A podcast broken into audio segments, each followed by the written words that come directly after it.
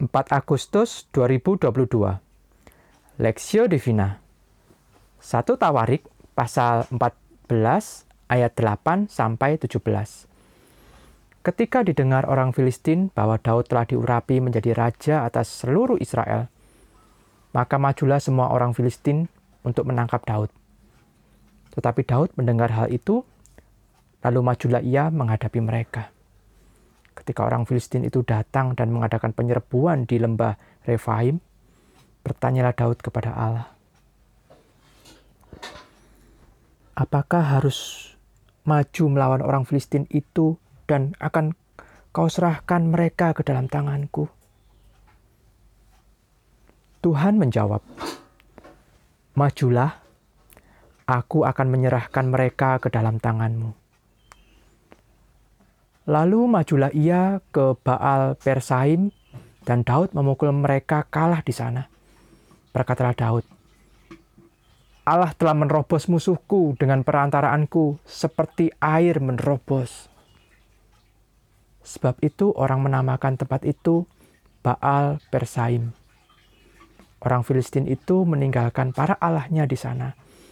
Lalu orang Israel membakarnya habis atas perintah Daud. Ketika orang Filistin menyerbu sekali lagi di lembah itu. Maka bertanyalah lagi Daud kepada Allah. Lalu Allah menjawab, Janganlah maju di belakang mereka, tetapi buatlah gerakan lingkaran terhadap mereka, sehingga engkau dapat menyerang mereka dari jurusan pohon-pohon keratau.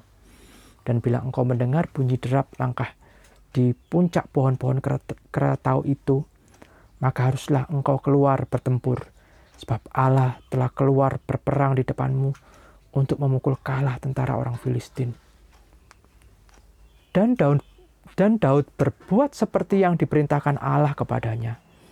Maka mereka memukul kalah tentara orang Filistin mulai dari Gibeon sampai Geser. Lalu termasyurlah nama Daud di segala negeri dan Tuhan mendatangkan rasa takut kepadanya atas segala bangsa. Kemenangan Daud, perspektif. Bertanya Daud kepada Allah. Maka bertanyalah lagi Daud kepada Allah, dan Daud berbuat seperti yang diperintahkan Allah kepadanya. 1 Tawarik 14 ayat 10, ayat 14, dan ayat 16. Martin Selman tepat sekali mengatakan bahwa saat Daud menjadi raja atas Yehuda, ia bukan ancaman serius bagi seri, bagi Filistin. Tetapi ketika telah menjadi raja atas seluruh Israel, tentu kisahnya beda. Menyadari ancaman itu, bangsa Filistin berinisiatif menyerang Daud lebih dulu dengan harapan mereka bisa menangkap Daud. Meski demikian, kita melihat bahwa dalam dua kali serangan, Allah menolong Daud sehingga Daud bisa mengalahkan orang Filistin dengan gilang gemilang. Satu hal menarik dalam perikop ini adalah apa yang Daud lakukan saat berbeda dalam ancaman. Alih-alih bersikap, bersikap impulsif, Daud bertanya kepada Tuhan. Dalam penyerangan pertama, ia bertanya kepada Tuhan, apakah ia harus maju berperang. Dalam penyerangan kedua, Daud kembali bertanya kepada Allah, tentang strategi yang harus ia lakukan.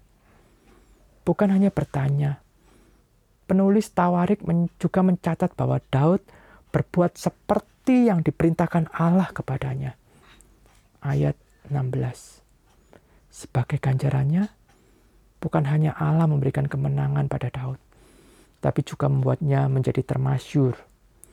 Penulis Tawarik sebenarnya sedang mengontraskan Daud dengan Saul pada pasal 10 ayat 13 sampai 14 penulis Tawarik mencatat bahwa Saul bukan hanya tidak mencari kehendak Allah tapi juga meminta petunjuk kepada arwah. Catatan ini nampak bertentangan dengan 1 Samuel pasal 28 ayat 6 yang mencatat bahwa Saul mencari kehendak Allah hanya tidak mendapat jawaban. Kedua catatan ini sejatinya tidak bertentangan penulis Tawarik berbicara mengenai kecenderungan hati Saul secara umum. Sikap Saul yang lebih memilih pergi kepada petenung menunjukkan bahwa dalam hatinya ada percabangan hati yang serius. Ini jelas berbeda dengan kehidupan Daud yang diwarnai dengan pencarian kehendak Allah dan ketaatan padanya. Di antara dua tokoh ini, siapa yang akan kita teladani?